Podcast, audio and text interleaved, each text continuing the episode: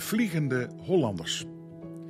Beste mensen, de strenge lockdownperiode lijkt nu wel grotendeels achter ons te liggen. En we mogen sinds afgelopen week weer uit onze bubbels tevoorschijn komen.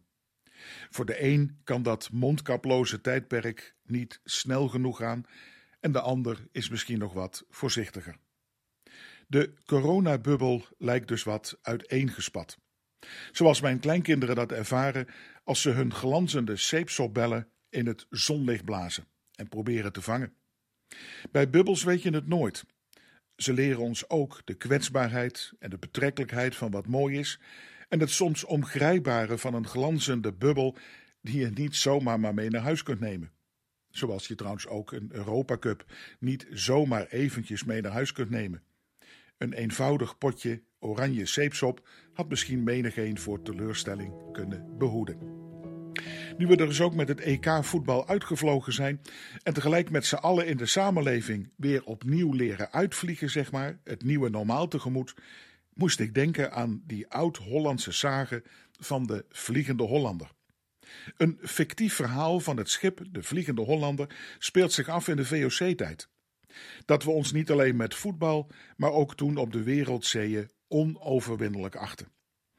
Op een gegeven moment voer de Hollandse kapitein Willem van der Deken met zeer slecht weer op Paarsen tegen alle adviezen in, onder andere die van zijn vrouw, en daar moet je toch vaak naar gehoorzamen, de haven van de Kaap de Goede Hoop uit om zo snel mogelijk naar Batavia te varen. De vrede kapitein negeerde de smeekbeden van zijn bemanning om terug te keren in de haven en smeet zelfs uiteindelijk zijn stuurman met de nodige verwensingen overboord, het kan verkeren, en leverde zich daarmee uit aan de duivel, zo gaat het verhaal.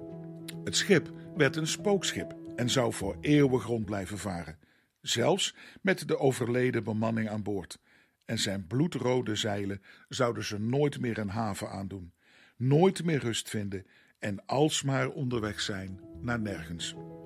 Ook in het afgelopen jaar leken we met elkaar wel op zo'n dobberend schip terechtgekomen te zijn.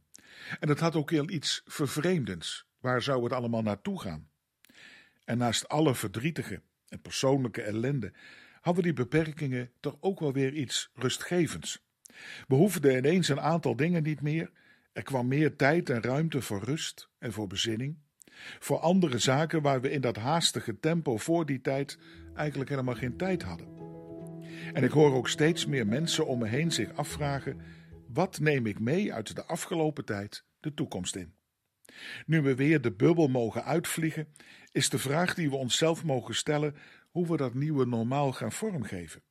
Hoe gaan we om met die verhouding tussen werk, rust en bezinning?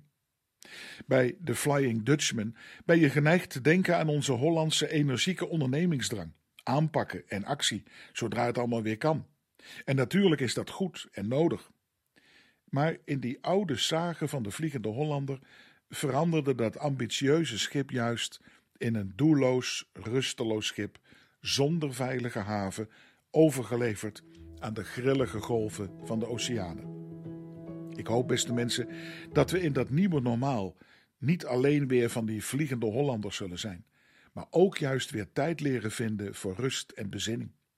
Vanaf de schepping zijn de rustdagen en zelfs de sabbatsjaren ons meegegeven. Laat dus niet alleen kapitein van der Deken het voor het zeggen hebben in je leven, maar zullen we ook Jezus woorden te harte mogen nemen, die ons wees op het belang van rustmomenten en bezinning, om ook Gods woorden te horen in alle rumoer van het leven. Jezus zei tegen zijn drukke leerlingen al: Ga nu maar met me mee, de boot in, naar een eenzame plaats om alleen te zijn en een tijdje uit te rusten. Dat gun ik je ook in het nieuwe normaal. Momenten van rust voor jezelf, voor de ontmoeting met de ander, maar ook in de ontmoeting met Jezus.